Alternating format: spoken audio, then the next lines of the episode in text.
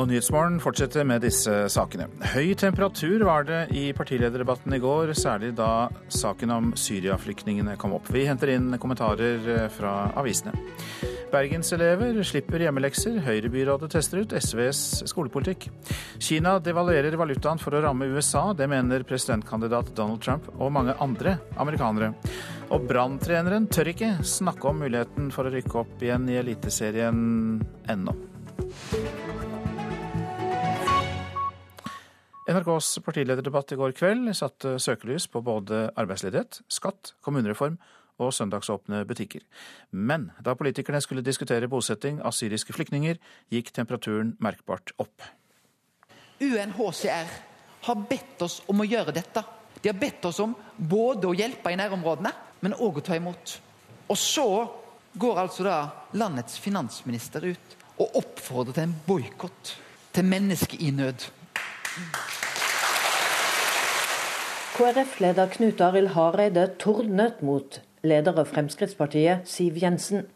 Hun oppfordrer kommunene til å si nei til å bosette de 8000 syriske flyktningene som Stortinget har vedtatt at Norge skal ta imot. Ja, jeg tenkte det går ikke an. Det er altså landets finansminister. Men Jensen mener flyktningene heller bør få hjelp i nærområdene, og at bosetting er en naturlig sak å diskutere i valgkampen. Innenfor kommunenes budsjett så må de altså velge hva de skal bruke pengene sine på.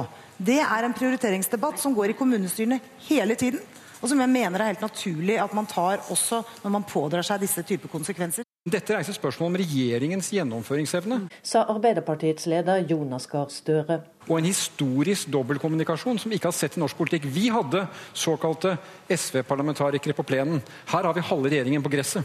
Erna Solberg, ser du at dette Det er sånn at Regjeringen kommer til å gjennomføre denne avtalen, og regjeringen jobber hardt med å få til bosettingen. og Det kommer vi til å gjøre. Det gjør alle Frp sine statsråder også, som sitter i regjeringen. og Det har vi vært veldig tydelige på. Men så er det sånn at man må få lov å ha en diskusjon om et stort og ømtålig spørsmål også i en kommunevalgkamp, som er så nært hverdagen der. Og det syns jeg er helt riktig at vi gjør. Min oppfordring er at alle kommunene bidrar til bosettingen. Eh, Jeg hørte en statsminister som brukte ordet som demokrati, og at en partileder må få lov til å si det en ønsker. Det er sånne ord en bruker når en ikke helt vet hva en skal si. Eh, Som politiker. Ja, KrF-leder Knut Arild Hareide til slutt der, og reporter Katrin Hellesnes. Håvard Grønli, du er programleder i Politisk kvarter, som begynner om en drøy time, og har saumfart aviser både på papir og nett. Og hvem er det kommentatorene mener vant denne kampen? Ja, nå blir det kasta terning, vet du. Eh, når du går gjennom det som blir skrevet nå, så får du inntrykk av at det har vært en ganske jevn debatt. Eh, ingen triller til terningkast seks, ingen til én, og det er naturlig nok litt ulike vurderinger. Men det er ikke tilfeldig at du i vår oppsummering her hører mye av KrF-lederen Knut Arild Hareide han får jevnt over eh, gode karakterer. Han gjorde seg sjøl til en sentral stemme i flere saker, og var den som fikk eh, mest respons fra salen, bl.a. ved hjelp av humor, som vi hørte her. Også statsministeren, Erna Solberg, får jevnt over gode skussmål for å ha framstått som trygg og stødig, rett og slett som ei statskvinne. Og hvis vi skal tro på kommentatortendensen, da, så sleit nok SVs Lysbakken og SPs Vedum med å gjøre seg synlige. Men mye spenning, i hvert fall før debatten, var knytta til Jonas Gahr Støre, hvordan han ville klare seg. fordi han kom jo ikke så godt ut av den første debatten med Erna Solberg. Nei. ehm, Støre gjorde ingen sånne store tabber i går, som han gjorde i denne første debatten du viser til, ehm, eh, der han nærmest ble arrestert på fakta av Erna Solberg. Nå var jo den, eh, den eh, første debatten der en som ikke ble sendt på TV-kanalene, og dermed var det langt viktigere for Støre det som skjedde nå i går på NRK1. De fleste kommentatorene mener at han gjorde en grei innsats, men kanskje ikke så mye mer. Statsminister Solberg framsto nok som en bedre debattant enn han også i går, hvis vi skal tro dommen.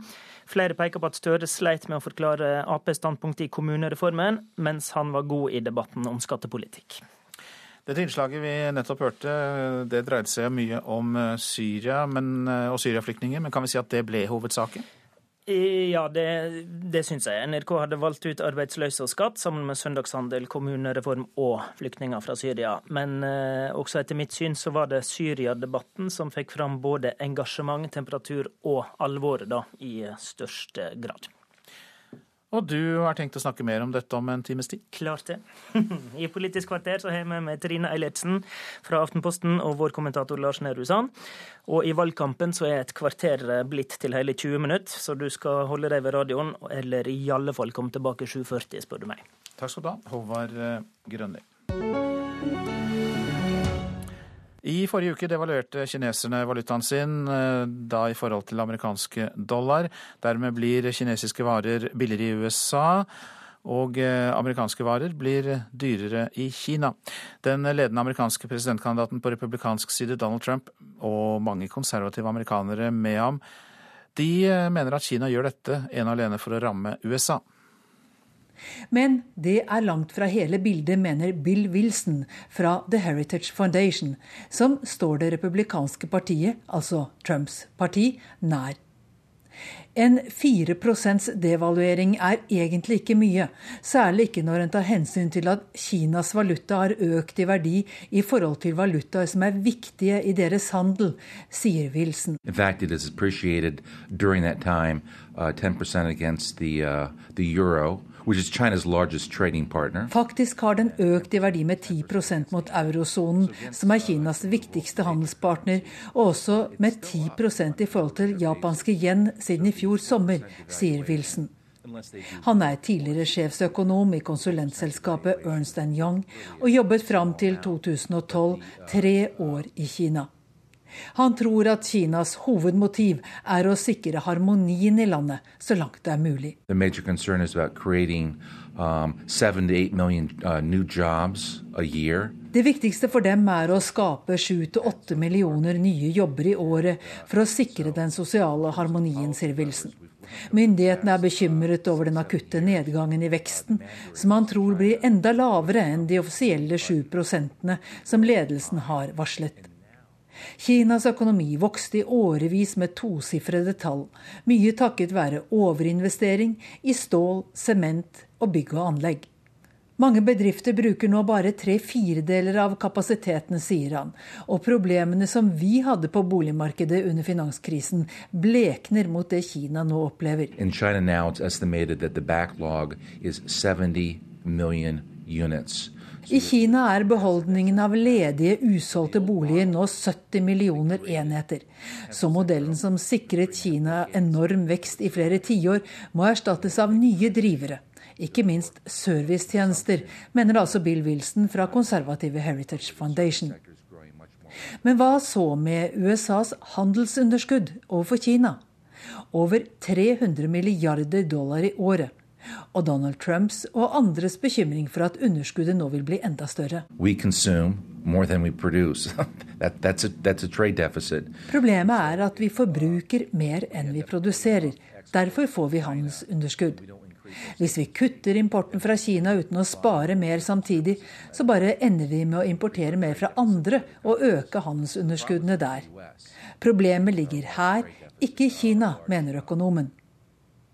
Men eh, Donald Trump, som i øyeblikket leder på alle meningsmålinger over hvem som skal bli republikanernes presidentkandidat, han mener at problemet kan løses ved å legge importavgift på varer fra Kina.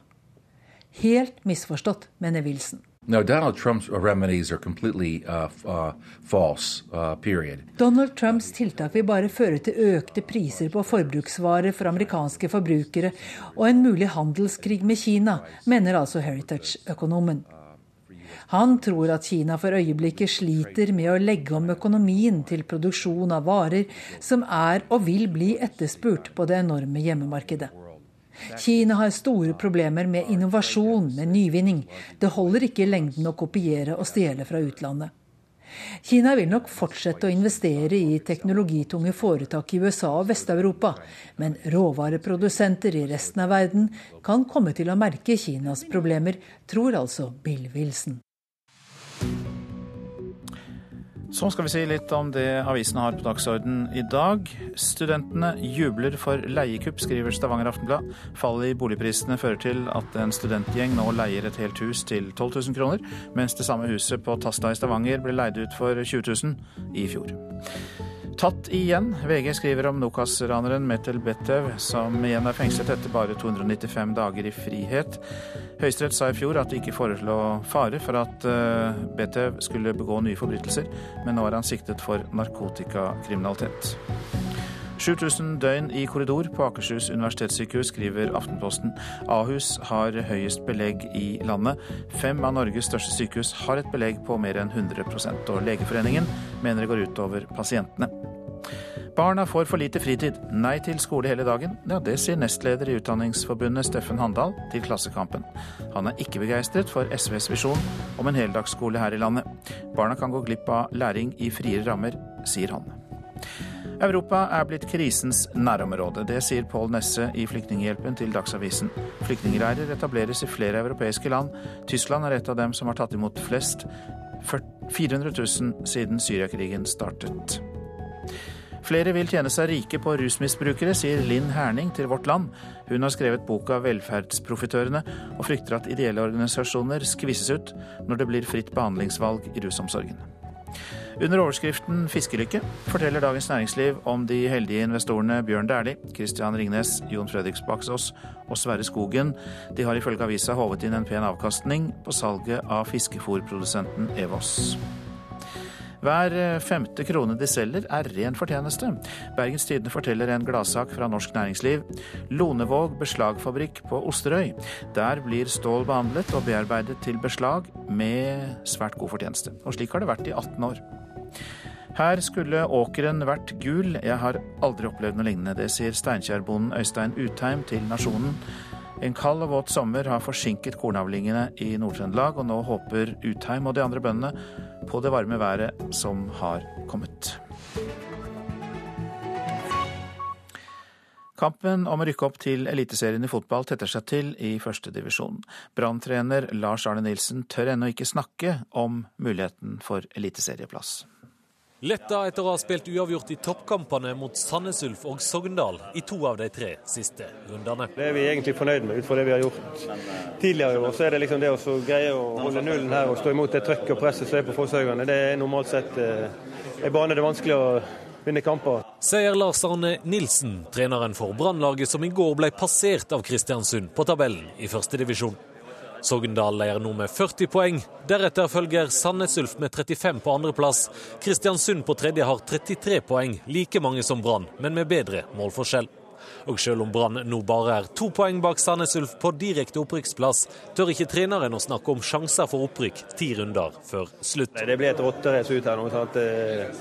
Det er veldig mange lag som ligger oppi der, så det blir tøffe kamper hele veien her. Så det, Kristiansund er bra. så det det er umulig å vite hvem som går av med seieren til slutt. Nilsens bekymring i kampen om eliteserieplass er at Brann foreløpig leverer for dårlig offensivt i uforutsigbare førstedivisjon. Det, det er mye, mye, nye gutter inn her nå. Vi, vi, har, vi, sliter litt med rytmen og, og samhandling og det vi gjør med ball. Og reporter var Hans Henrik Løken. Klokka den har passert 6.46. Dette er hovedsaker i nyhetene i dag. En mann i 30-årene omkom og to andre ble skadd da en båt kjørte på et skjær i Os kommune i Hordaland i natt. I Thailand sier myndighetene at de fortsatt ikke vet hvem som utførte bombeangrepet i hovedstaden Bangkok i går, der 22 mennesker mistet livet. Men statsministeren sier de har overvåkningsbilder av den mistenkte. Antall valgomater som skal hjelpe oss til å finne vårt parti, har økt kraftig. Vi skal høre at det nå finnes flere hundre valgomatvarianter i nettavisene. Høyrestyrte Bergen tester nå ut venstresidens skolepolitikk. Det neste halve året skal elever ved Møhlenpris skole slippe å ha hjemmelekser. SV mener forsøket er et steg på veien mot partiets kampsak om en leksefri heldagsskole. Litt kjedelig av og til, men det gjør sånn at man blir smart. Og jeg syns engelsk er gøy. Ti år gamle Ylva har et litt blanda syn på lekser men er glad for at hun det neste halve året slipper å ta med seg leksene hjem. Det blir veldig bra, fordi når du kommer hjem, kan du være med venner og besøke andre og gjøre hva du vil. Ved Møhlenpris skole i Bergen skal en det neste halve året teste ut en skole uten tradisjonelle heimelekser. Elevene i første til tredje klasse skal bare ha leselekser, medan de eldre elevene skal få gjøre leksene på skolen etter vanlig skoletid, med hjelp fra kontaktlæreren. Har man dårlig tid hjemme, man har foreldre som jobber mye, allerede fra første klasse så kan det være ting som foreldre hjemme syns er vanskelig. Uavhengig av hva hjem man kommer fra, så ønsker vi at alle skulle ha like muligheter. Det sier rektor Kjartan Navarsete. Forskning har vist at lekser kan bidra til å sementere skilnader mellom ressurssterke og ressurssvake elever. At det er læreren som kjenner elevene best, som skal hjelpe elevene, er en viktig del av forsøket. Kontaktlæreren kjenner elevene. Han vil kunne tilpasse leksene på en god måte. Han vil kunne eh, sette gode mål for eleven, og han vil lett kunne gi dem tilbakemelding i klasserommet. Dette er, tror jeg, et gløtt inn i framtiden. SV-leder Audun Lysbakken mener forsøket i borgerlig styrte Bergen er SV-politikk i praksis og et steg mot partiets kampsak om en leksefri heldagsskole. Det går an å ta et oppgjør med hjemmeleksene allerede nå og innføre skolelekser på skoler over hele landet. Det har vi tenkt å foreslå i alle de kommunestyrene der det nå kommer eh, SV-ere inn. Selv om Høyre ønsker å holde på hjemmeleksene i skolen, mener partiet sin skolebyråd i Bergen, Jana Middelfart Hoff, at forsøket ikke kolliderer med Høyre-skolen. Jeg tror at det er veldig dumt å være for skråsikker her, at det gjør kanskje noen av, av, motstanderne våre. Jeg tenker at det er viktig at skolene finner sin egen vei og ser på hva som fungerer for den enkelte skole. Og så selvfølgelig så forventer vi at målene oppnås, og hvis de ikke gjør det, så må man endre. Når pleier du å gjøre leksene, da? På ettermiddagstiden, sant? Av og til alene, eller av og til med pappa eller mamma eller noe sånt. Ylva og mamma Synnøve Fluge ser fram til å få leksene unnagjort på skolen. Jeg skal love deg at det har vært eh, mye grining. Det har vært eh, mye krangling og, og eh, fortvilelse. Den korte tid man har sammen blir brukt som en kamparena for disse leksene, og, og det, det føles slett ikke godt verken for store eller små. Og det var Sølve Rydland som hadde laget dette innslaget. Debatten om eh, kommunesammenslåinger pågår over hele landet, også i Skien, der det skal være møte om dette i Ibsenhuset i eh, kveld. Et innspill i debatten er kommet fra professor i økonomi Bjarne Jensen. Han mener nemlig at eh, kommunesammenslåinger vil være en ulykke for distriktene. Denne kommunereformen er jo ikke noe fare for bykommunene. Det er jo distriktene som, våre, våre som vil rammes. Det er bygdebyene, bygdesentrene. Og jeg er redd for at denne kommunereformen, hvis den skulle lykkes, så vil den ødelegge store deler av de vakre distrikts- og lokalbyene våre. Bjarne Jensen er professor i økonomi ved Høgskolen i Hedmark. Kommunesammenslåinger kan bli det største og det mest kontroversielle spørsmålet fram mot valget. Og Jensen advarer nå kommunepolitikerne mot å gå inn i denne prosessen. Ved siden av at det svekker lokaldemokratiet eh, i de, ved at de små kommunene mister representasjon i storsamfunnet vårt, så tror jeg eh, det har sammenheng med at man ønsker seg større fagmiljøer. Eh, skal man få større fagmiljøer, så må man jo samle disse miljøene i de nye kommunesentrene. Og Det betyr igjen at man må bygge ned, forlate kompetansearbeidsplassene i de, de, de kommunene som da mister sine kommunesentre. Og Da frykter jeg faktisk at dette vil føre til en veldig sentralisering av bosettingsmønsteret i Norge. Og reporter var Solfrid Leirgul Øverbø. Nå om Det Norske Teatrets versjon av musikalen 'Shockheaded Peter', som har blitt eh, eksportvare. Musikalen ble sett av nærmere 35 000 mennesker i Oslo, og nå skal den settes opp ved Statsteater Hanoffer i Tyskland. Det blir tyske skuespillere, riktignok, men ellers så kopieres forestillingen for Oslo. Det sier regissør Erik Ulfsby, som først skal forberede en premiere i Stavanger. Ja, det er jo en liten fjær i hatten for, norske, for Det Norske Teatret, hvor jeg er teatersjef. Så syns vi jo det er veldig stas at våre forestillinger blir anerkjent og, og ønskes eh, mange steder. Så det syns jeg er litt sånn kryss i taket. Sier regissør og sjef på Det Norske Teatret, Erik Ulfsby, som deler æren for musikalen 'Shocked Peters' suksess med bl.a. scenograf Arne Nøst. Teatersjefen i Hannover han så oppsettinga i Oslo og blei da veldig begeistra. Neste fredag er det Shockheaded-premiere i Stavanger konserthus med skuespillere fra Rogaland teater, der Nøst for øvrig også er sjef. Så følger Hanover i Tyskland med den samme kunstneriske ledelsen og dermed det samme visuelle uttrykket som har fenget publikum i Oslo de siste årene. Tyskland er jo hva skal vi si, opphavslandet til de grunnfortellingene her fra den boka som heter Strovelpeter, Der Strovelpeter. Eh, så de har et veldig sånn intimt kjennskap til alle disse fortellingene, så jeg tror de syns det er veldig gøy å å få det pakket inn på en annen måte.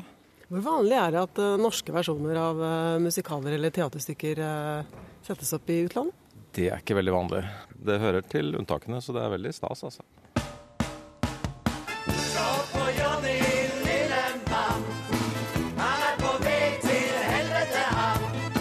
Norske teaterets 'Shockheaded Peter' med Vidar Magnussen i prisbelønnet hovedrolle ble spilt i to år for nærmere 35 000 mennesker. Nå følger altså Stavanger, og deretter Statsteater Hannover, sier Ulfsby. Så Det er jo noe vi syns er veldig stas. Og så kommer 'Elefanten' ned dit da i begynnelsen av oktober. Og så er det premiere der 31. oktober. Elefanten det er en demonterbar seks meter høy gigant laget av det samme materialet som sitteunderlag. Først skal den imponere publikum i Stavanger, før den altså sendes i container til Tyskland. Der de andre kulissene vil bli gjenskapt, forteller en stolt scenograf Arne Nøst. Så det blir veldig gøy for oss eh, som har utvikla det her med norske folk, å liksom høre det på originalspråket. Fornedringers labyrint! Shockheaded Peter er basert på en 170 år gammel tysk barnebokklassiker og ble først adaptert til teater i London i 1998. Men ingen har slått på stortromma som Erik Ulfsby på Det Norske Teatret. Så vi eh, valgte et veldig svært og maksimalistisk uttrykk. Akkurat det tror jeg ikke har vært gjort før. Eller det vet jeg ikke har vært gjort før. Og det var Anette Johansen Espeland som hadde laget denne reportasjen. Nå altså om antallet valgomater hos nettavisene som nærmest har eksplodert. Det var en seks-sju av disse for fire år siden, men nå kan velgerne ja, de kan velge mellom flere hundre ulike varianter av tester som skal hjelpe oss å finne parti. Og midt på gata i Drammen gikk vår reporter ut for å sjekke om folk hadde logget seg inn for å finne ut hvilket parti de skal stemme på, men det var ikke alle som hadde gjort det. Har du prøvd en av valgomatene på nettet? Nei. Nei, Vet du hva det er? Nei. Valgomatene? Hva er det for noe? Jeg har ikke prøvd det. da. Nei. Er det noe du kunne tenke deg å prøve? Ja. Selv om det kan hende ikke er kjent for alle, har det aldri vært så mange valomater å velge mellom for deg som skal røyste i årets kommunevalg. 605 varianter finnes det totalt. Ja, du, Det har jeg prøvd en gang, men Ja. ikke denne gangen. Men jeg har prøvd det før. har jeg prøvd en gang. Hvordan var erfaringa? Ja, Det var riktig. Ja. Ja. Både NRK og andre satser i år stort på slike valhjelpere. NRK har utvikla 428 varianter av sin valomat, én for hver kommune i landet, medan mediekonsernet Amedia har 163 ulike varianter i sine aviser. Hamar Arbeiderblad har utvikla sin helt egen, med ulike utgaver for de fire kommunene avisa dekker. Per nå så er det ca. 7000 som har testet HAs valgomat i løpet av to uker. Det sier nyhetsredaktør i avisa, Jon Arne Holmlund. Fem ansatte har i en måned jobba med valomaten, og resultatet det skal ha flere føremål, ifølge Holmlund. Jeg vil si det er litt tredelt. Eh, Det skal bidra til økt interesse om lokalvalget. Det er jo i alles interesse. Og så er det selvfølgelig, vi må innrømme det, viss, et visst innslag av underholdning i det. Og eh, selvfølgelig også formidle til en viss grad kunnskap om det de forskjellige lokale partiene står for i valgkampen. Nei, det, det viser jo at mediene bruker veldig mye ressurser på dette her. Det sier valgforsker Bent Årdal. Der har du HAs valgomat. Akkurat. Her kan du velge kommune, ja. I boka 'Valg og velgere' har han sammen med Johannes Berg bl.a. undersøkt hvordan velgerne brukte valomater ved førre stortingsvalg. Og det er de yngste velgerne som i størst grad legger sin lit til valomaten. Det som er mest interessant, er at når vi går og ser på de ulike aldersgruppene, bl.a. på førstegangsvelgerne, så er det tre ganger så mange, 15% som sier at det hadde faktisk stor betydning for hvilket parti de valgte. Årdal tror at den store floraen av valomater kan ha potensielt negative konsekvenser. Men når det blir så mange tester, sånn som dette her, så mister jo også partiene litt oversikten. Eh, så, så, Det kan jo også åpne for at det en, kan bli noen manipulasjon. At noen lager spesielt, spesielt vridde tester eh, for å liksom prøve å utnytte dette her til, til, litt mer oppmerksomhet om sitt eget parti. Vi skal ikke være så veldig naive i Norge. Det skjer ting i andre land, og, og det er ingenting i veien for at dette kan skje også i Norge. Reportere her Torkil Torsvik, Chetan Rastogi og Lars Ivar Nordahl. Så var det været her i landet fram til midnatt. Fjellet i Sør-Norge først. Der blir det sørøstlig liten kuling utsatte steder, men for det meste lettskyet pent vær. Østlandet lokalt lave tåkeskyer først på dagen, riktignok, men ellers pent. Telemark også der tåkeskyer først på dagen, og ellers eh, utover dagen lettskyet og delvis skyet oppholdsvær. Så går vi til Agderfylkene. På kysten nordøst liten kuling, stiv kuling vest for Oksøy. Minkende vind seint i kveld. Lokalt blir det lave tåkeskyer først på dagen, og ellers lettskyet og delvis skyet oppholdsvær. Rogaland. Øst og sørøst liten kuling utsatte steder. Stiv kuling på kysten i sør. Ellers for det meste pent vær. Hordaland og Sogn og Fjordane østlig liten kuling utsatte steder og pent vær. Og så skal jeg gjøre noe som jeg ikke har gjort så ofte, nemlig å nevne resten av landet i ett. For vi har nemlig i hele Midt-Norge og Nord-Norge pent vær i dag. Det gjelder altså Møre og Romsdal, Trøndelag, Nordland, Troms og Finnmark. Intet mindre. Men det er mulighet for tåke på kyststrøkene. Nordensjøland på Spitsbergen, skyet vær med litt regn og en del eh, tåkeskyer. Temperaturer målt klokka fem. Svalbard 8, Kirkenes 11, Vardø 13, Alta 9, Tromsø og Bodø 12, Brønnøysund 13, Trondheim 15, Molde og Bergen 11, Stavanger 14, Kristiansand 16, Gardermoen og Lillehammer 9, Røros 3 og Oslo-Blindern 12. Hør ekko. Husker du årene da unge finansfolk tjente penger i en rasende fart og viste det uten skam? Plutselig var det lov å vifte med tusenlapper, kle seg i eksklusive designerklær og cruise rundt i dyre biler med 80-tallsheltene Wam eller kanskje Beethoven på full guffe på stereoen. Hør om japper og jappetiden i Ekko. Ekko 9 11 i NRK2. Nesten halvparten sliter med traumer etter tunnelbranner, ifølge forsker. Ingen overlevde flystyrten i Indonesia. Redningsmannskapene kom fram til flyvraket nå i morgentimene. Her er NRK Dagsnytt klokka sju. Nesten halvparten av de som redder seg ut av trange og lange tunneler som brenner, får psykiske problemer etterpå. Det regner Direktoratet for samfunnstryggleik og beredskap, DSB, med. I Norge er det 35 tunneler som er over 5 km lange, og som bare har ett løp. Seniorrådgiver i DSB, Ann Karin Midtgaard, sier mange kan få problem dersom det tar til å brenne i en slik tunnel. Det er jo eh, den opplevelsen eh, trafikantene har av å befinne seg i Eh, i eh, en livstruende situasjon, både for seg selv og kanskje familien i bilen. Eh, at det er lang vei ut til frisk luft. De må kanskje befinne seg i to timer inne i tunnelen, en røykfylt tunnel, som vi vet var tilfellet i den forrige Gudvanga-brannen. Og det er to timer hvor du opplever at du er i stor livsfare. Eh, og det skaper reaksjoner i etterkant som eh, angst og sinne og som du kan ta med deg i flere år etter en sånn opplevelse. Reporter Kristine Svendsen. I Indonesia har redningsmannskapene funnet vraket av flyet som styrta for to dager siden, med 54 mennesker om bord. Alle som var om bord, er funnet døde. Det har tatt tid å komme fram til staden grunnet vanskelig terreng og dårlig vær. På morgenen lokal tid fant redningsmannskapene vraket av flyet, som var fullstendig knust og delvis utbrent. Selv om vraket ble observert fra lufta, har det tatt tid å nå fram til ulykkesstedet på grunn av svært ulendt terreng og dårlig vær. Flyet var på en 55 minutters tur fra Jayapura til Oksibil søndag, da det forsvant ti minutter før det skulle lande. Blant passasjerene var fire ansatte i Postverket, som hadde med seg tilsvarende fire millioner kroner i kontanter, som skulle deles ut som sosialhjelp til fattige familier. Letemannskapene ser nå etter de såkalte svarte boksene med taleregistrator og ferdskriver, som kan si noe om årsaken til ulykken. Reporter Kristine Næss Larsen. I Thailand har styresmaktene overvåkingsbilde av det de tror er gjerningsmannen, etter at ei bombe eksploderte i hovedstaden Bangkok i går. Flere enn 20 mennesker mista livet. Ingen har foreløpig tatt på seg skylda for åtaket.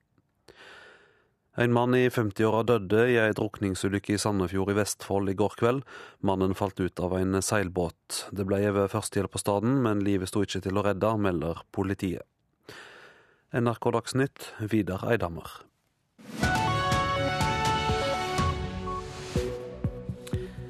Her i Nyhetsmorgen spør vi hva myndighetene gjør for å utbedre tunnelene her i landet. Vi spør om det etter det vi hørte i Dagsnytt, at mange får psykiske problemer etter å ha blitt reddet ut av trange og lange tunneler. Konflikten i Ukraina har blusset opp igjen mellom ukrainske regjeringsstyrker og opprørere. Også sivile er drept. Sri Lankas tidligere president klarte ikke å gjøre comeback som statsminister, viser opptellingen etter valget på øya i går. Ja, det er altså slik at Direktoratet for samfunnssikkerhet og beredskap, DSB, anslår at nesten halvparten av de som redder seg ut av trange og lange tunneler som brenner, får psykiske problemer etterpå. At det i Norge er et eh, prinsipp om at bilistene skal komme seg ut av tunnelene på egen hånd, gjør at eh, risikoen for å få problemer blir høyere, mener en traumeekspert. De tre kameratene hiver etter pusten mens de filmer en brann i Gudvangatunnelen. Det er også en trailer som brenner som faen. Direktoratet for samfunnssikkerhet og beredskap anslår at rundt 40% av dem som overlever en stor tunnelbrann som denne i Gudvangen for to år siden, vil få psykiske plager. Det sier seniorrådgiver i DSB Ann Karin Midtgaard. Det er jo eh, den opplevelsen eh, trafikantene har av å befinne seg i, eh, i en livstruende situasjon, både på seg selv og kanskje familien i bilen.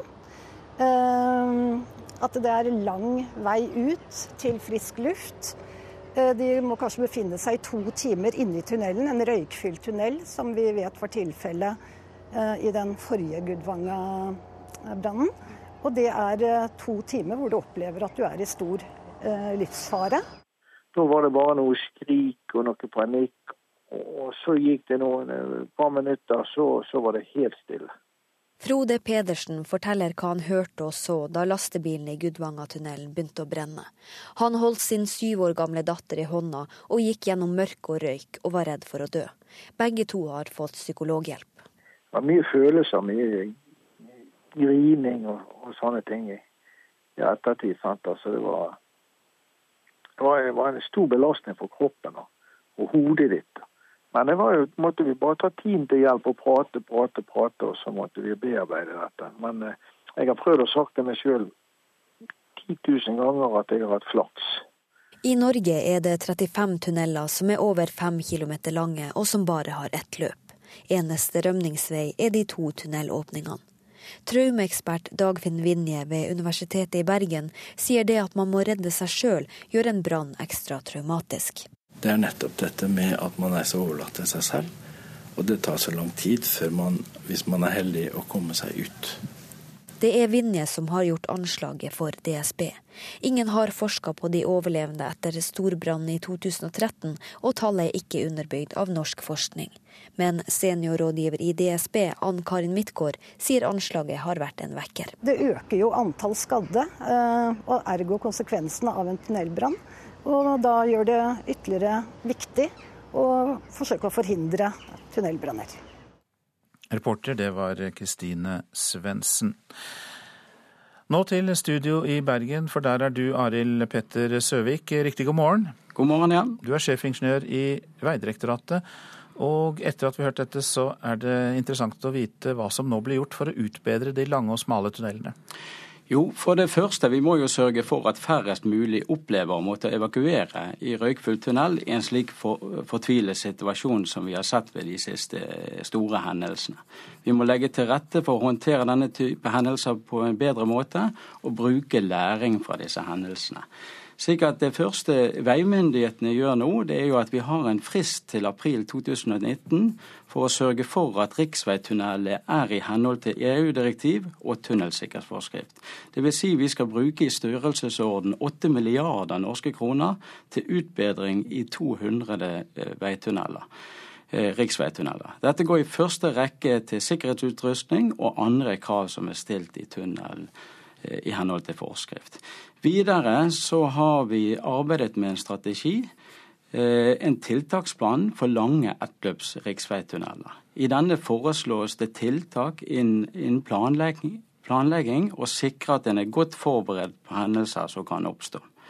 Eh, videre foreslås det ulike tiltak for å bedre sikkerhetsutrustning i forhold til selvredning. Vi skal også utrede bl.a. bruken av redningsrom, som vi bl.a. i dag finner i Oslofjordtunnelen, eh, som vi tester ut der. Eh, veimyndighetene legger jo opp til å utnytte tiden godt ved å oppdage brannen tidlig, stenge tunnelen, få tidlig røykkontroll og iverksette varsling av trafikanter. Og Videre så legger vi opp til at sikkerhetsutrustningen skal gjøre det lettere å evakuere i røykfull tunnel dersom en skulle bli fanget i røyken. Er det da slik at uh, disse tunnelene som man nå utbedrer, vil ha denne EU-standarden du nevner uh, innen 2019? Ja, slik som fristen for riksveitunnelene er innen 2019. og da, da, vil det være langt bedre enn i dag, langt sikrere enn i dag, så vidt ja. du vet? Ja, men i tillegg så ser vi fra den læringen vi har gjort de siste årene slik som den EU-direktivet var jo skrevet i 2004.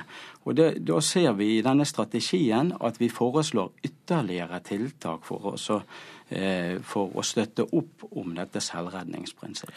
Nå er det jo også viktig det, alt det du nevner der eh, når man først er i tunnelen og det skjer noe, men det er jo også veldig viktig å varsle. Hvordan kan bilister varsles bedre, sånn at de kanskje ikke kjører inn i tunnelen, eller, eller blir raske tidligere, sånn at de kommer seg ut? Altså Hvis vi klarer å detektere hendelsen veldig tidlig, og så sette i gang eh, stengningstiltakene, så er det viktig. slik at det ikke er så færrest mulig er i tunnel når, når, hendelsen oppstår.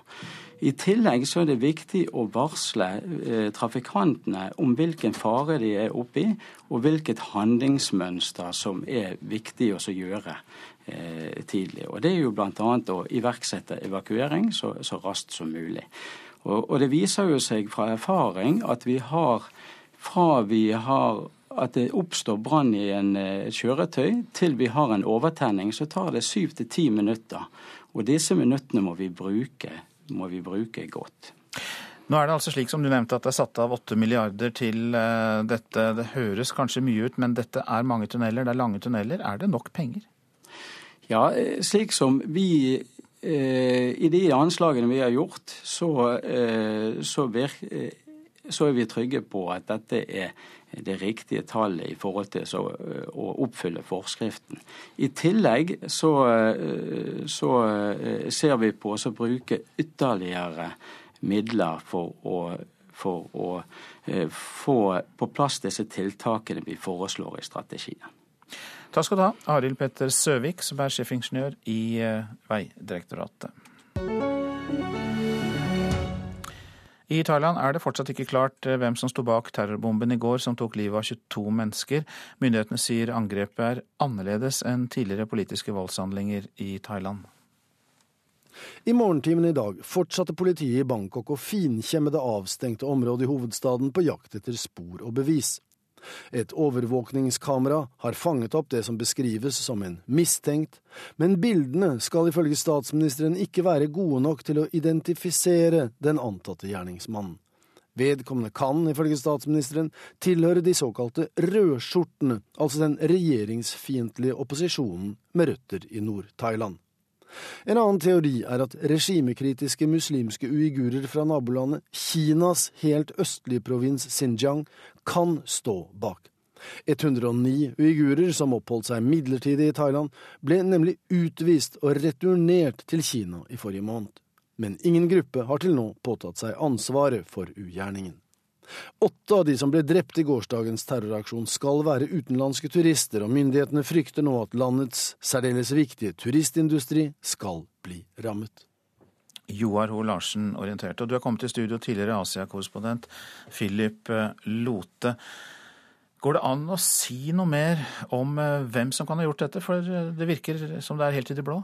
Det er fire sikkerhetsscenarioer som ble trukket opp her. Tre av dem ble trukket opp av statsministeren. og vi, han Joar Hoel Larsen nevnte jo uigurene, altså kinesiske muslimer som har flyktet fra Kina og som er blitt eh, tvangssendt hjem. At det kan være en slags hevnaksjon. Det er én teori som statsminister Prayut Chan-Ocha sier at de vil undersøke, eh, i tillegg til at det er politiske motstandere av militære regimet. I tillegg så har det jo i flere tiår vært en lavblusskonflikt sør i Thailand, hvor befolkningen i hovedsak er Eh, malai-muslimer, altså malaysere, eh, som ønsker enten eh, uavhengighet eller større grad av selvstyre. Men konflikten der har aldri blitt flyttet lenger nordpå. Det har vært en lokal konflikt, og som også tidligere har motsatt seg å bli infiltrert av Al Qaida og mer radikale muslimske elementer. Så selv i Thailand er det vel egentlig få som tror at det er de som står bak. Det statsministeren ikke sier nå, er jo at den politiske situasjonen i Thailand er veldig spent etter militærkuppet i fjor. Eh, og flere thaier snakker og mistenker og konspirerer om at det kan være elementer innenfor regimet selv som har gjort dette, for å vise at strengere sikkerhetslover, eh, mer makt til militæret osv. er eh, nødvendig. Dette blir veldig hypotetisk, men grunnloven, den nye grunnloven som militærregimet har foreslått og lagt fram, inneholder nye krisebestemmelser som skal gi militæret økt fullmakt til å gripe inn hardhendt om nødvendig. Og denne type bombeangrep eh, kan jo de bruke til å argumentere med at dette er nødvendig. Eh, men eh, foreløpig så vet vi jo selvfølgelig ingenting. Ingen har tatt på seg skylden for dette. Men det virker som dette er noe nytt med tanke på Thailand, i hvert fall Bangkok. fordi der har vel turistene følt seg noenlunde trygge fram til nå. og Dette var jo først og fremst turister som ble rammet her. Det som er nytt, er jo at denne bomben helt klart var ment uh, til å drepe. Altså, den uh, blir avløst under rushtiden klokken syv på ettermiddagen i et uh, område som, hvor det går mye mennesker.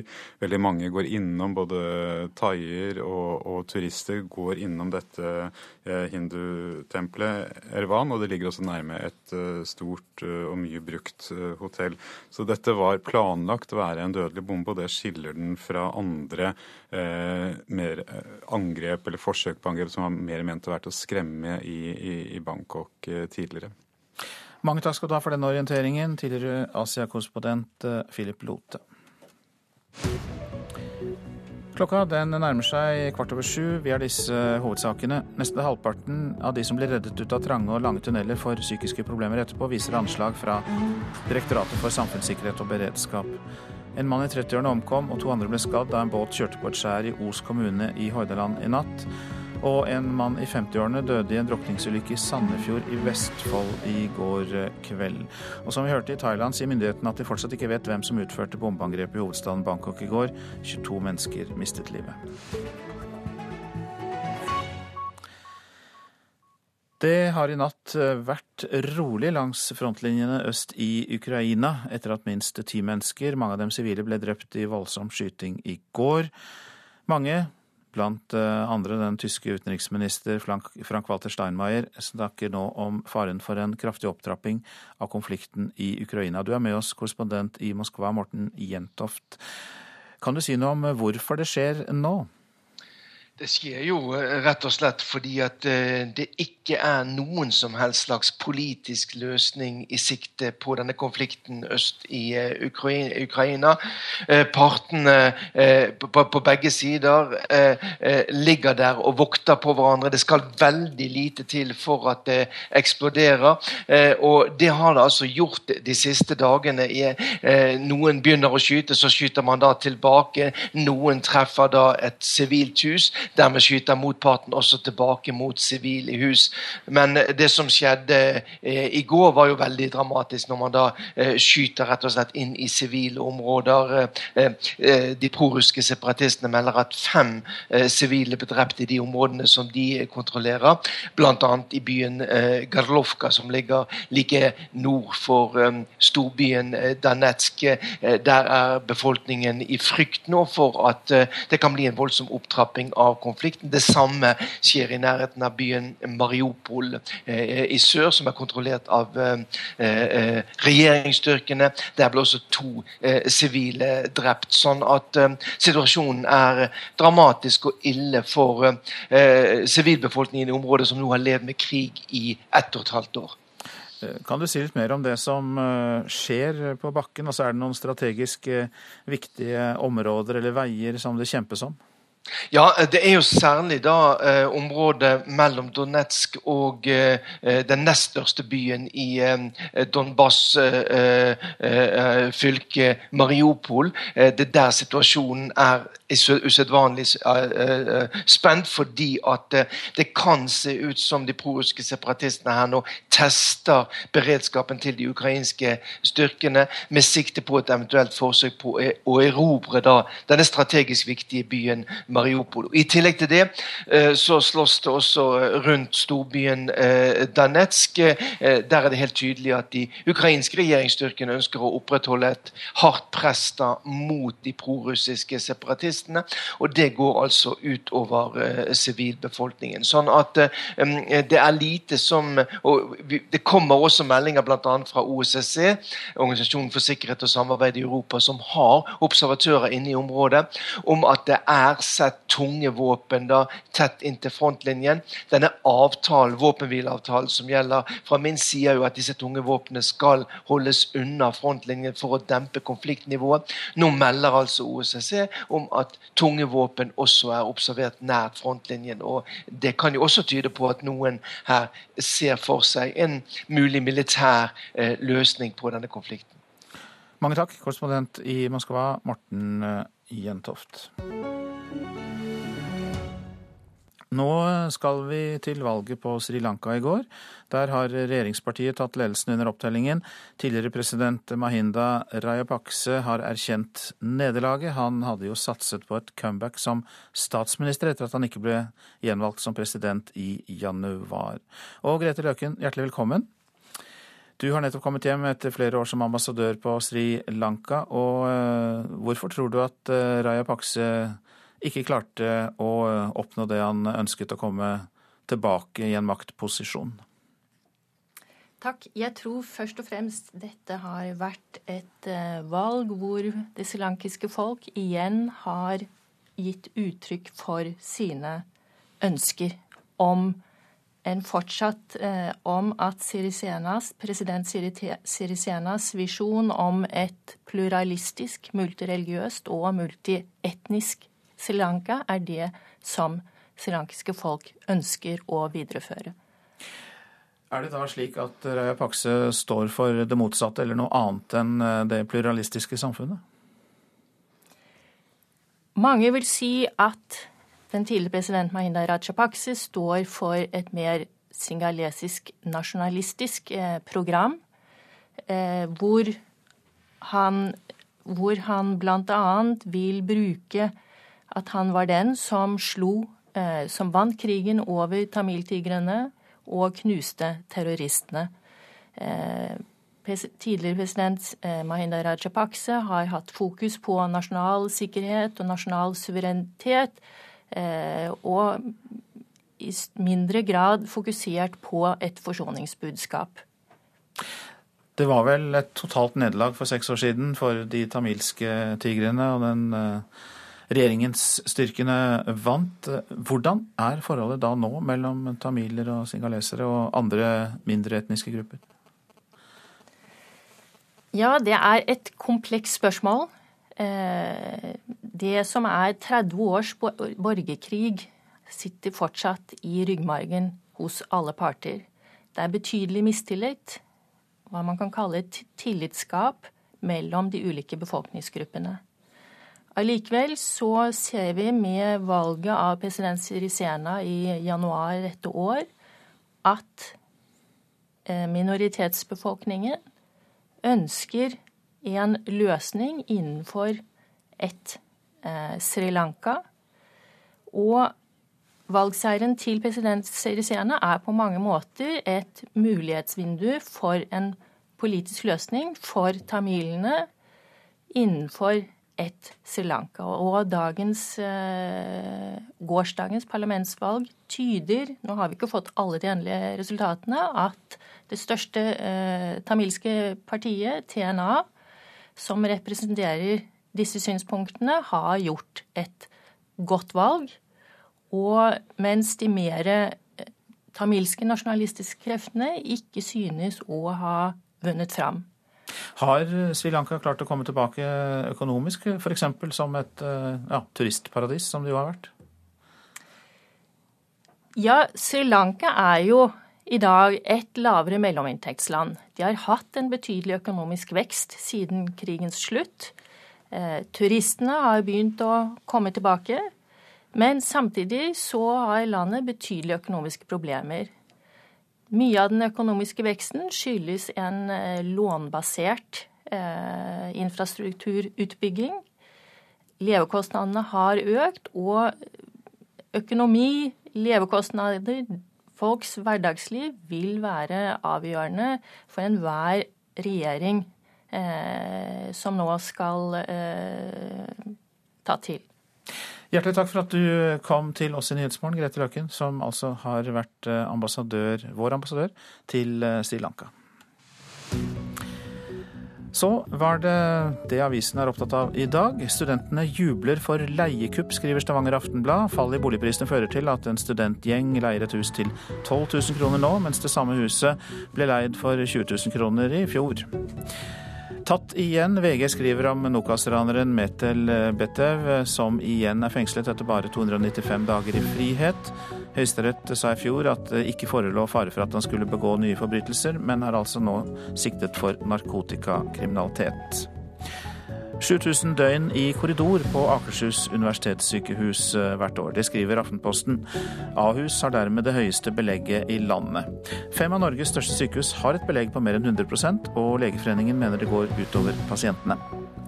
Barna får for lite fritid. Nei til skole hele dagen. Det sier nestleder i Utdanningsforbundet Steffen Handal til Klassekampen. Han er ikke begeistret for SVs visjon om en heldagsskole her i landet. Barna kan gå glipp av læring i frie rammer, sier han. Europa er blitt krisens nærområde, sier Pål Nesse i Flyktninghjelpen til Dagsavisen. Flyktningreirer etableres i flere europeiske land. Tyskland er et av dem som har tatt imot flest. 400 000 siden Syriakrigen startet. Flere vil tjene seg rike på rusmisbrukere, sier Linn Herning til Vårt Land. Hun har skrevet boka 'Velferdsprofitørene', og frykter at ideelle organisasjoner skvises ut når det blir fritt behandlingsvalg i rusomsorgen. Under overskriften 'Fiskelykke' forteller Dagens Næringsliv om de heldige investorene Bjørn Dæhlie, Christian Ringnes, Jon Fredrik Baksås og Sverre Skogen. De har ifølge avisa håvet inn en pen avkastning på salg av fiskefòrprodusenten Evos. Hver femte krone de selger er ren fortjeneste. Bergens Tidende forteller en gladsak fra norsk næringsliv. Lonevåg beslagfabrikk på Osterøy, nemlig, der stål blir behandlet og bearbeidet til beslag. Med god fortjeneste, og slik har det vært i 18 år. Matboksene har jo fått en lang pause i ferien. Nå skal de fram igjen, men hva skal til for å gi dem et godt innhold og barn og unge et godt måltid? Det er viktig at foreldrene går foran, mener førsteamanuensis i mat og helse, Else Marie Øvrebø. Blant barn i Tromsø virker det som brødskiver med tradisjonelt pålegg er favoritt. Brødskive, frukt. Mm. Hva du skal på brødskiva? Brunost. Men er det noen andre ting du liker på brødskiva? Uh, nei. Nei. Håvard, hva du liker best på skolematen? Brunost. Ja. Det kommer egentlig helt an på. Mm. Brødskive eller baguett. Er det sånn at du gleder deg til skolematen hver dag? Nei. Hvorfor ikke? Det er veldig kjedelig. Altså, det er ikke noe variert mat. Så, ja. Det er ikke morsomt å spise sin mat når den ligger i pakke og ikke på fat. Jeg vet egentlig ikke. Vi har nesten så masse forskjellig mat, men mest brødskive. Vi hører stadig om hvor viktig det er med et sunt og variert kosthold. Men så kan man også bli ganske forvirra etter å ha lest og hørt eksperter uttale seg i ulike medier om hva man bør og ikke bør.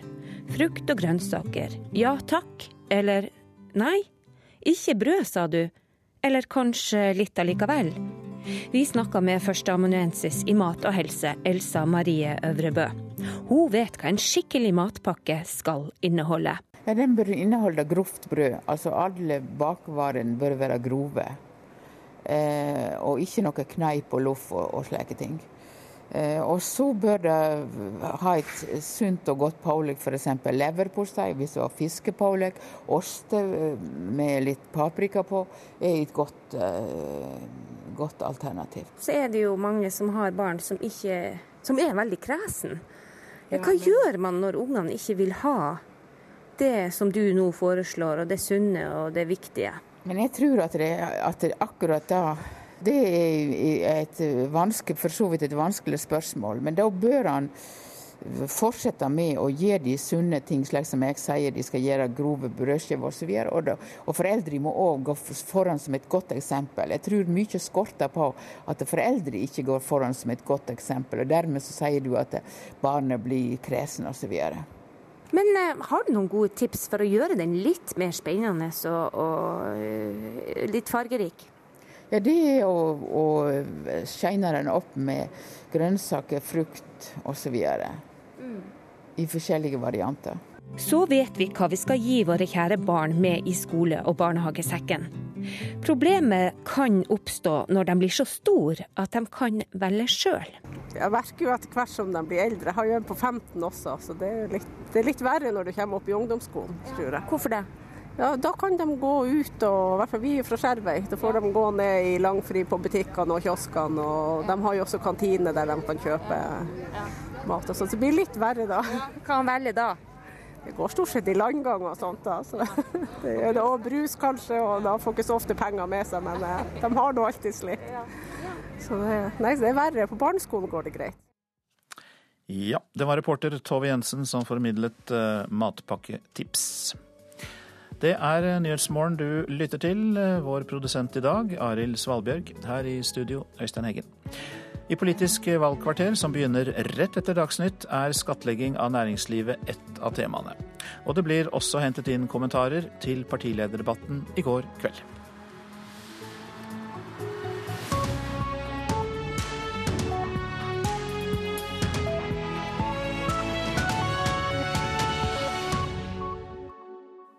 Spillerom i dag.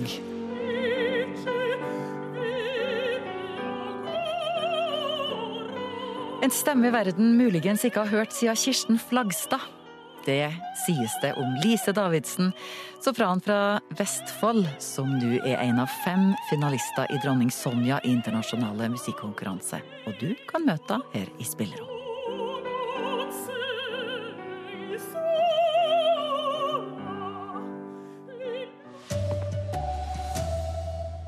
Nær halvparten av de som opplever store tunnelbranner, får psykiske problemer etterpå, tror ekspert. Gjerningsmannen etter bombeåtaket i Bangkok er fanga på film, men det er uklart hvem han er. KrF-leder Knut Arild Hareide kom best ut av partilederdebatten i går, mener flere kommentatorer. Her er NRK Dagsnytt klokka 7.30. Nær halvparten av de som redder seg ut av trange og lange tunneler som brenner, får psykiske problemer etterpå. Det regner Direktoratet for samfunnstrygghet og beredskap, DSB, med. Risikoen for å få problem blir høyere, fordi det i Norge er et prinsipp at bilister skal komme seg ut av tunneler sjøl, mener ekspert. De tre kameratene hiver etter pusten mens de filmer en brann i Gudvangatunnelen. Det er også en trailer som brenner som faen. Direktoratet for samfunnssikkerhet og beredskap anslår at rundt 40% av dem som overlever en stor tunnelbrann som den i Gudvangen, vil få psykiske plager. Etter at Frode Pedersen leide sin syv år gamle datter gjennom mørk og røyk for to år siden, fikk han psykologhjelp for å takle dødsangsten han hadde kjent på. Det var mye følelser, mye grining og, og sånne ting i ettertid. sant? Altså det var det var, en stor belastning for kroppen og hodet ditt. I Norge er det 35 tunneler som er over 5 km lange og som bare har ett løp. Eneste rømningsvei er de to tunnelåpningene.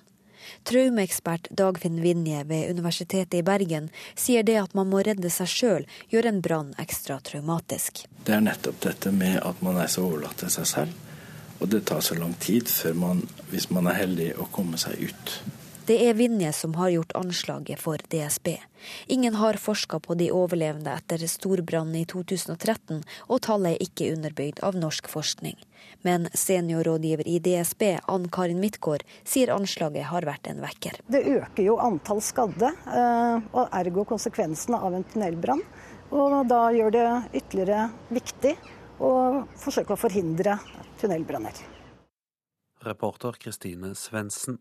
Og sjefingeniør i Vegdirektoratet, Arild Petter Søvik, sier det er viktig å håndtere tunnelbranner på en bedre måte i framtida. Slik at Det første veimyndighetene gjør nå, det er jo at vi har en frist til april 2019 for å sørge for at riksveitunneler er i henhold til EU-direktiv og tunnelsikkerhetsforskrift. Dvs. Si vi skal bruke i størrelsesorden 8 milliarder norske kroner til utbedring i 200 eh, veitunneler eh, riksveitunneler. Dette går i første rekke til sikkerhetsutrustning og andre krav som er stilt i tunnelen eh, i henhold til forskrift. I Thailand er det fremdeles ingen som har tatt på seg skylda for terroraksjonen i går, som tok 22 menneskeliv. Det er ikke første gang Thailand er utsatt for terror, men styresmakten i landet sier ugjerninger skiljer seg ut, sammenlignet med tidligere politiske voldshandlinger. Et snaut døgn etter det som blir omtalt som den verste terroraksjonen i Thailands historie, er det uklart hvem som står bak. Forsvarsministeren sa til lokale medier i morgentimen i dag at landets etterretningstjenester ikke hadde noen indikasjoner på at en terrorhandling var nær forestående. Et videokamera skal ha fanget opp en såkalt mistenkt, men på grunn av dårlig billedkvalitet skal det ikke være mulig å identifisere den antatte gjerningsmannen. Rikspolitisjefen Somyot Pumpanmung innrømmer da også at de står på bar bakke. We cannot say anything right now because it's not conclusion yet. We have to for our staff to investigate from the from everything Statsministeren i Thailand mener vedkommende eventuelt kan tilhøre de regjeringsfiendtlige rødskjortene som holder til i det nordlige Thailand, eller det kan være kinesiske uigurer, altså dissidenter, som tilhører den tyrkisktalende muslimske minoriteten helt vest i Kina. 109 uigurer ble nemlig i forrige måned utvist fra Thailand og under sterke protester sendt tilbake til Kina. Ingen har til nå tatt på seg ansvaret for ugjerningen som ifølge myndighetene i Thailand er rettet mot næringslivet og turistindustrien for å ramme landets økonomi og dermed destabilisere thaisamfunnet. Reporter Joar Hoel Larsen. I Indonesia har redningsmannskapene funnet vraket av flyet som styrta for to dager siden, med 54 mennesker om bord. Alle som var om bord er funnet døde, sier en talsmann for Transportdepartementet. Flyet forsvant i et øde og vanskelig tilgjengelig område i Papua-regionen øst i landet. Været i området er dårlig, og det er ikke råd for å frakte de omkomne bort nå, opplyser styresmaktene. En mann i 30-åra omkom, og to andre ble skadde da en båt kjørte på et skjær i Os kommune i Hordaland i natt. Politiet fikk melding om ulykka et kvarter etter midnatt, da folk på land hørte rop. Og da dykkerne fra brannvesenet tok seg frem til havaristen, der, så var det tre menn om bord i båten.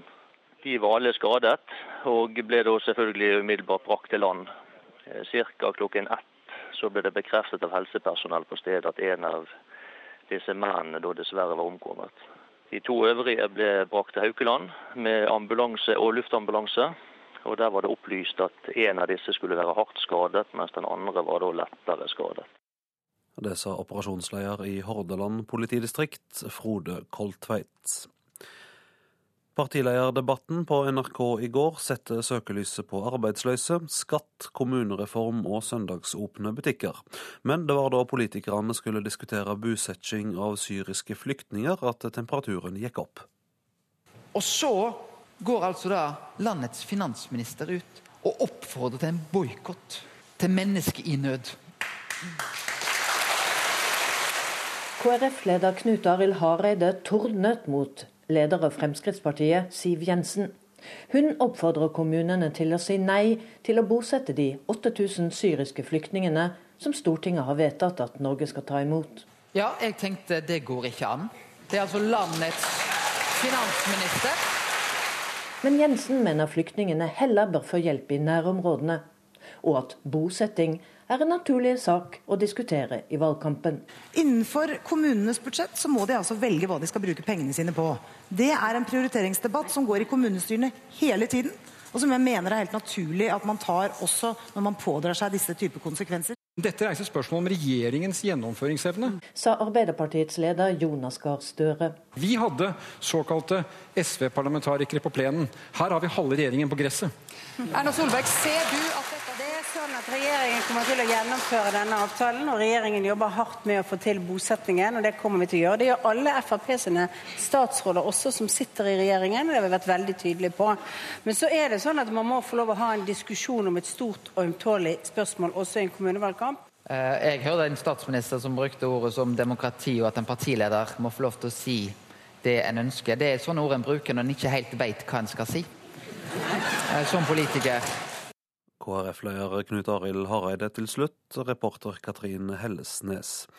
Politisk kommentator her i NRK, Lars Nehru Sand. Mange kommentatorer er samlet om at Knut Arild Hareide var best. Hva mener du?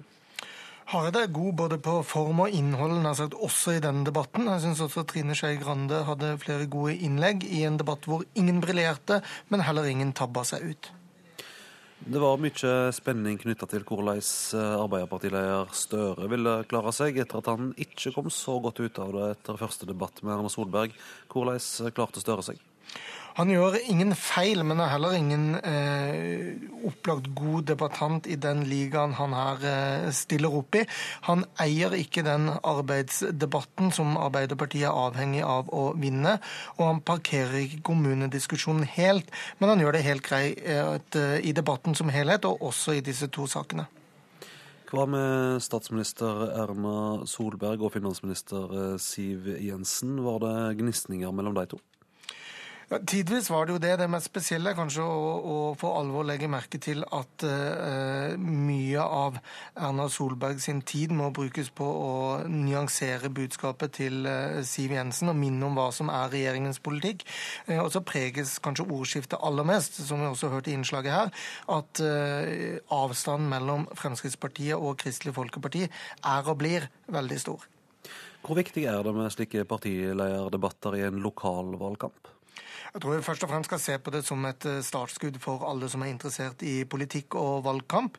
De laglederne, eller da partilederne, som skal føre sine ut i, i mange kamper over hele landet, har selvfølgelig en, en viktig eh, funksjon. Men så er det nok for de fleste viktigst med lokale spørsmål og ikke partilederprestasjoner når de tar sitt partivalg. Takk skal du ha, Lars Nehru Sand. Det blir mer om partilederdebatten i Politisk kvarter på P2 Alltid nyheter om få sekunder. Først skal vi si at ansvarlig for Dagsnytt-sendinga er Gro Arneberg, teknisk ansvarlig Guri Hertzberg Finsveen, og her i studio Vidar Eidhammer.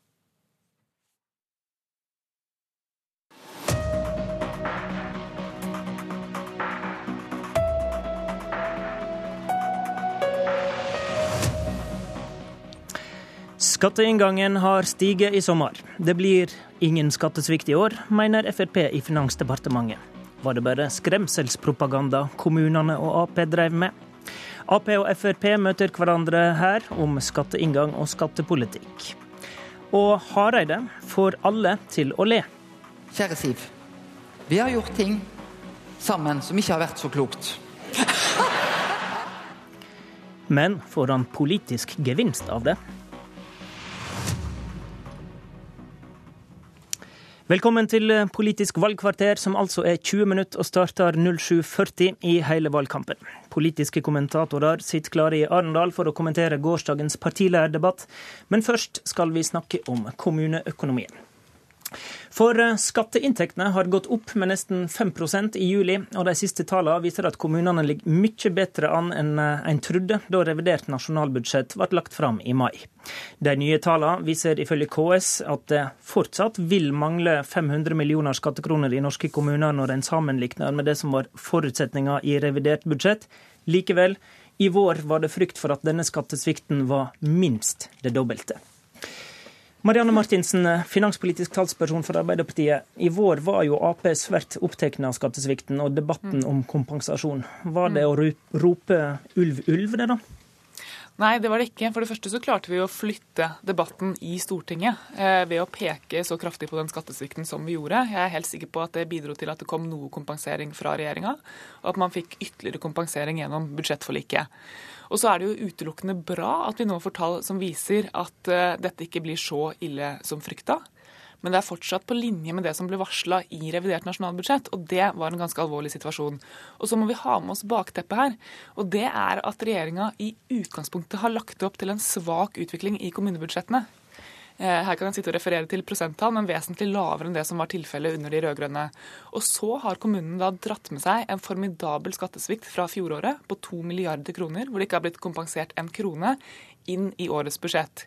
Så det betyr at vi fortsatt eh, er i en situasjon hvor to av tre skattesviktkroner ikke er kompensert. Men det er ikke så ille som dere påsto.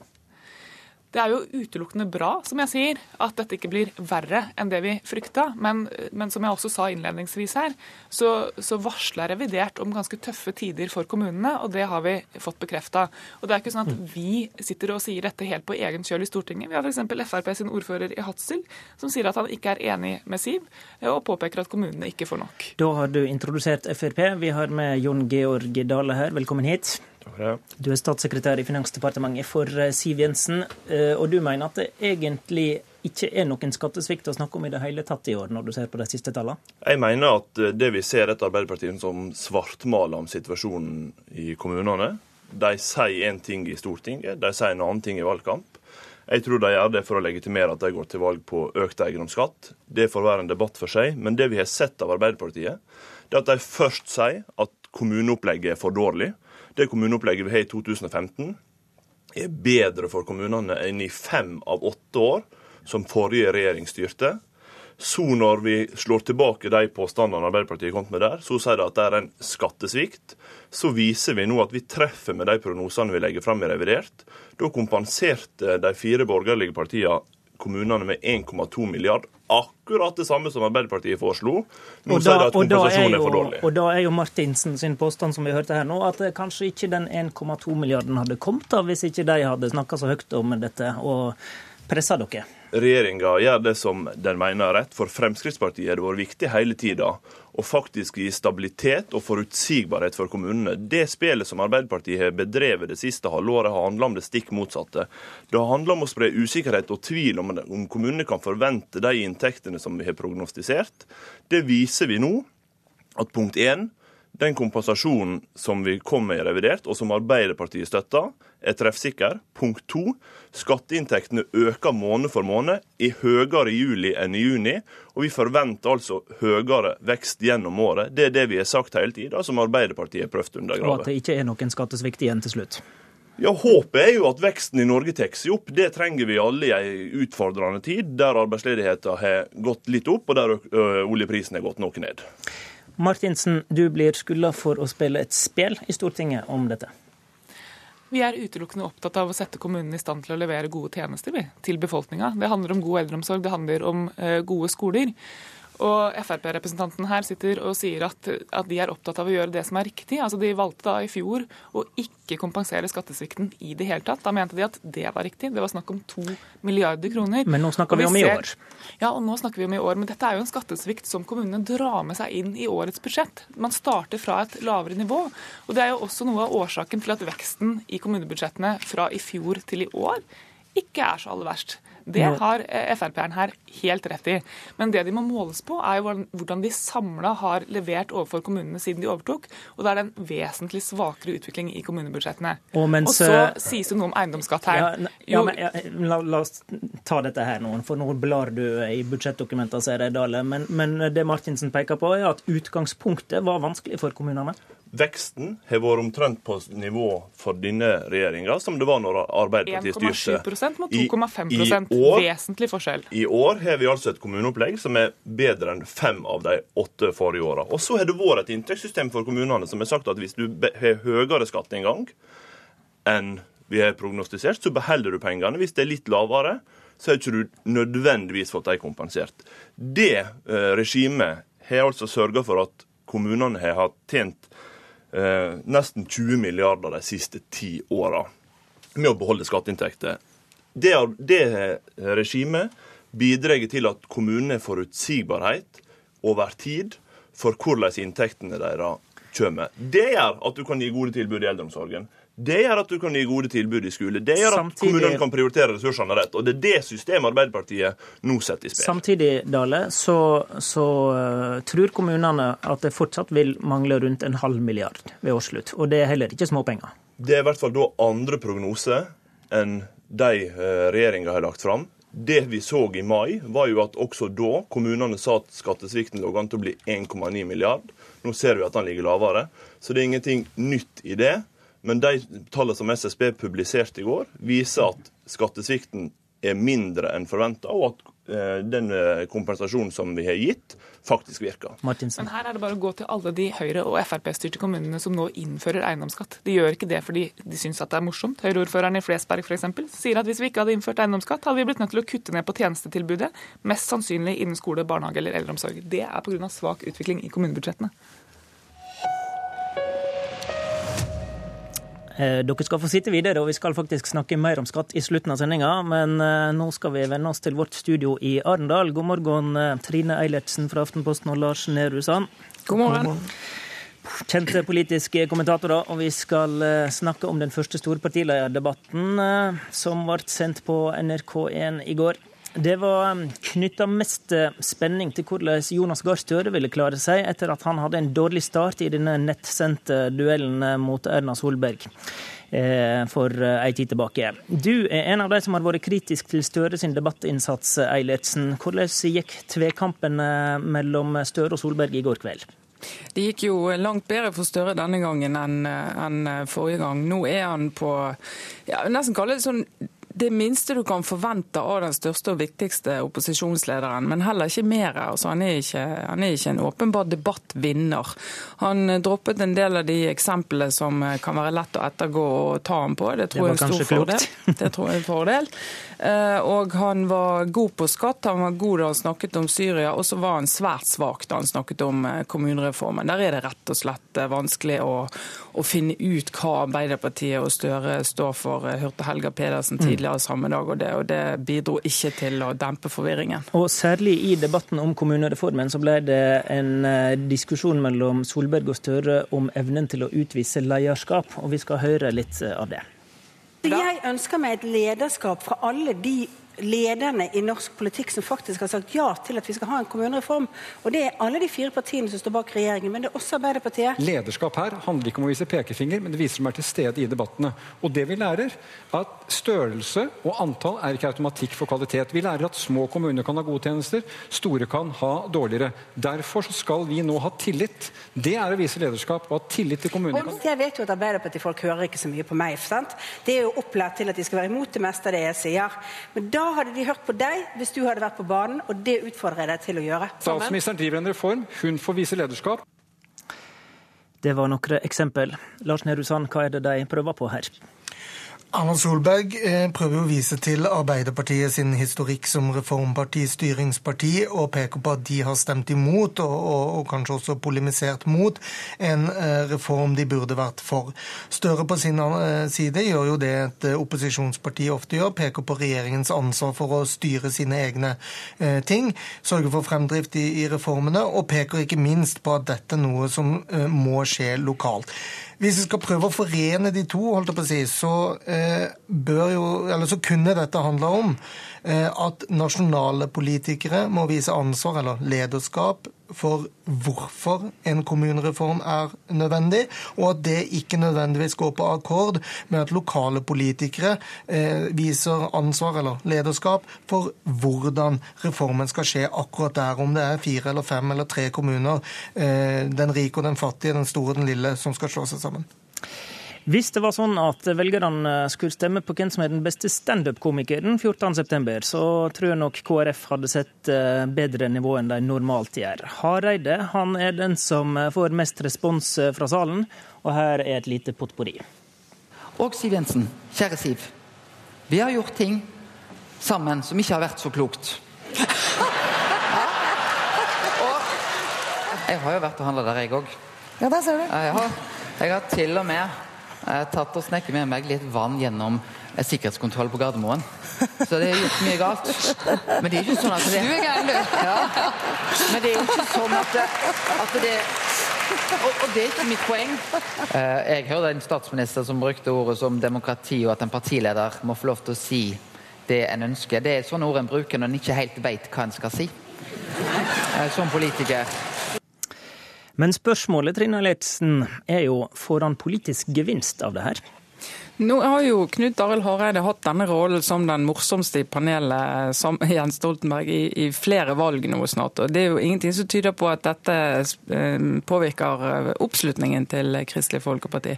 Eh, det det gjør, er at partilederen blir mer kjent, han blir bedre likt. Og så tror jeg det at du har denne humoren i en, denne type debatt, det bidrar faktisk til at flere ser sånne debatter. Så det tror jeg flere skal være glad for. Mm. Lars Nehru kan være en fare for å bli for mye one-line-politiker? Det var mye diskusjon rundt det da, han, da vi ble kjent med han, nær sagt, som, som partileder i, i settinger som dette. Men jeg tror han har funnet en form hvor han balanserer det ganske riktig. Vi skal eh, straks snakke videre om skatt eh, her i studio. Det var også et tema i debatten i går. Eh, venstresida kritiserer regjeringa sine kutt i formuesskatten, men mens en rapport som kom i går kan gi gode argument for selskapsskattekutt.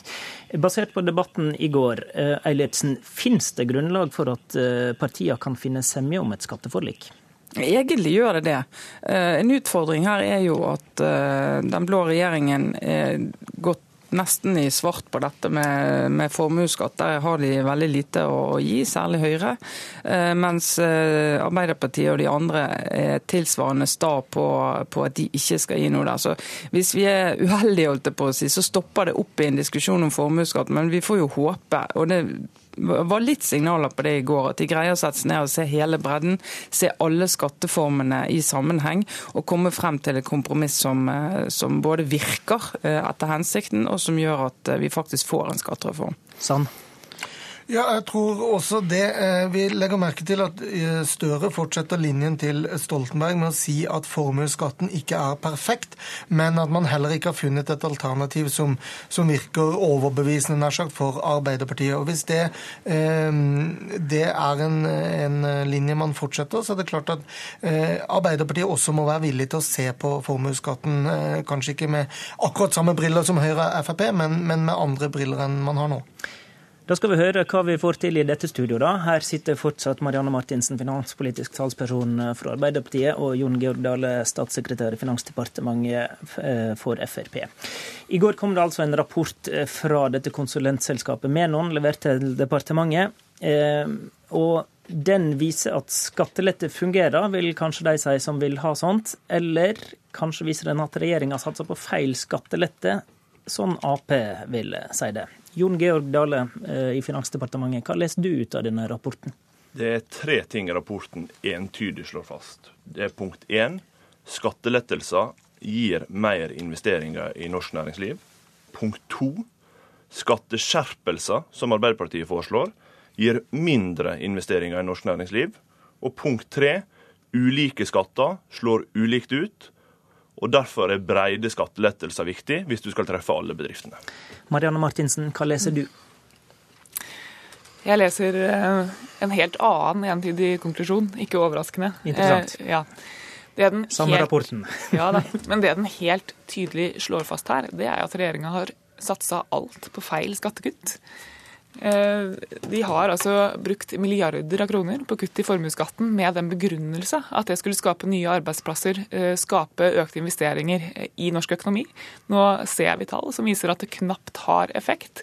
Eh, Dagens Næringsliv presenterer et regnestykke i dag som viser at dersom man hadde brukt tilsvarende summer på å kutte selskapsskattesatsen, som Arbeiderpartiet har tatt til orde for, som vi faktisk gjorde eh, i vårt eh, siste statsbudsjett, mm. så ville investeringsgevinsten vært 6 milliarder kroner høyere. Dale, det står jo i den rapporten dere nå har fått at det er større effekt av å gjøre grep i selskapsskatten enn i formuesskatten. Det gjør det, men der står også f.eks. på side 5 at disse mekanismene fører til en reduksjon i selskapsskatten, mest sannsynlig vil øke den utenlandske eierandelen til norsk næringsliv, mens en tilsvarende reduksjon i utbytteskatt eller formuesskatt vil øke andelen av norsk personlig eierskap. Og Det er jo den debatten Arbeiderpartiet er blind for. Fordi at de svarer at skatteskjerpelser er vi nødt til å ha uansett. Men det er jo ikke bare skatteskjerpelsene på formuesskatt Arbeiderpartiet vil reversere. De vil reversere skattelettelser skattelettelsene ja. som vi har gitt til vanlige folk. Mm. Reduksjoner i avgifter men, men som bidrar til verdiskapning. Men la oss holde oss på eh, bedriftsbeskatning nå.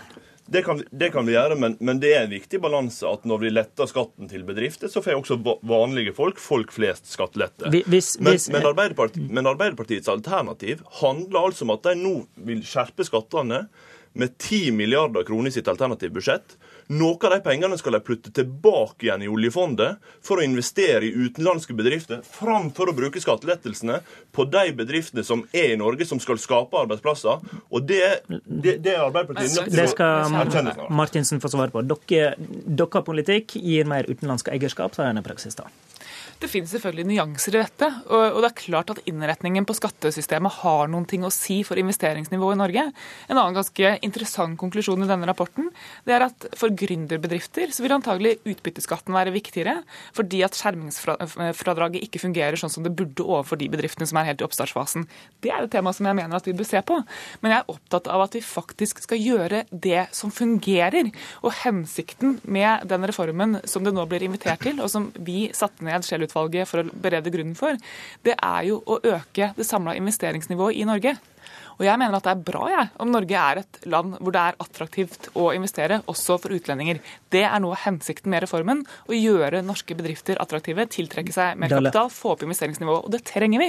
Så jeg håper at de nå kan prioritere de skattekuttene som faktisk har effekt. Da har vi grunnlaget for en reform. Vi trenger også utenlandske bedriftseiere i Norge. Ingen tvil om det. Derfor er brede skattelettelser som treffer alle grupper, viktig.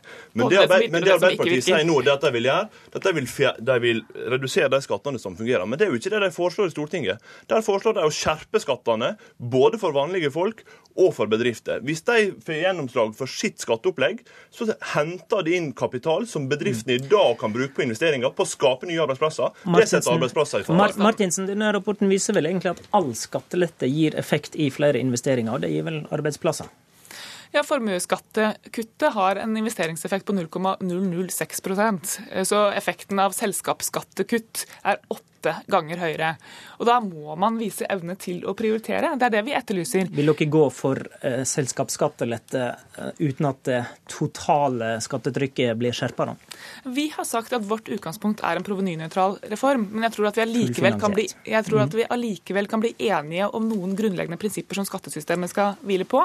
Det er viktig for forutsigbarheten eh, i næringslivet. Vi kom visst ikke helt i mål i dag heller. Jon Georg Dale og Marianne Martinsen, takk til dere to. Politisk kvarter var ved Håvard Grønli.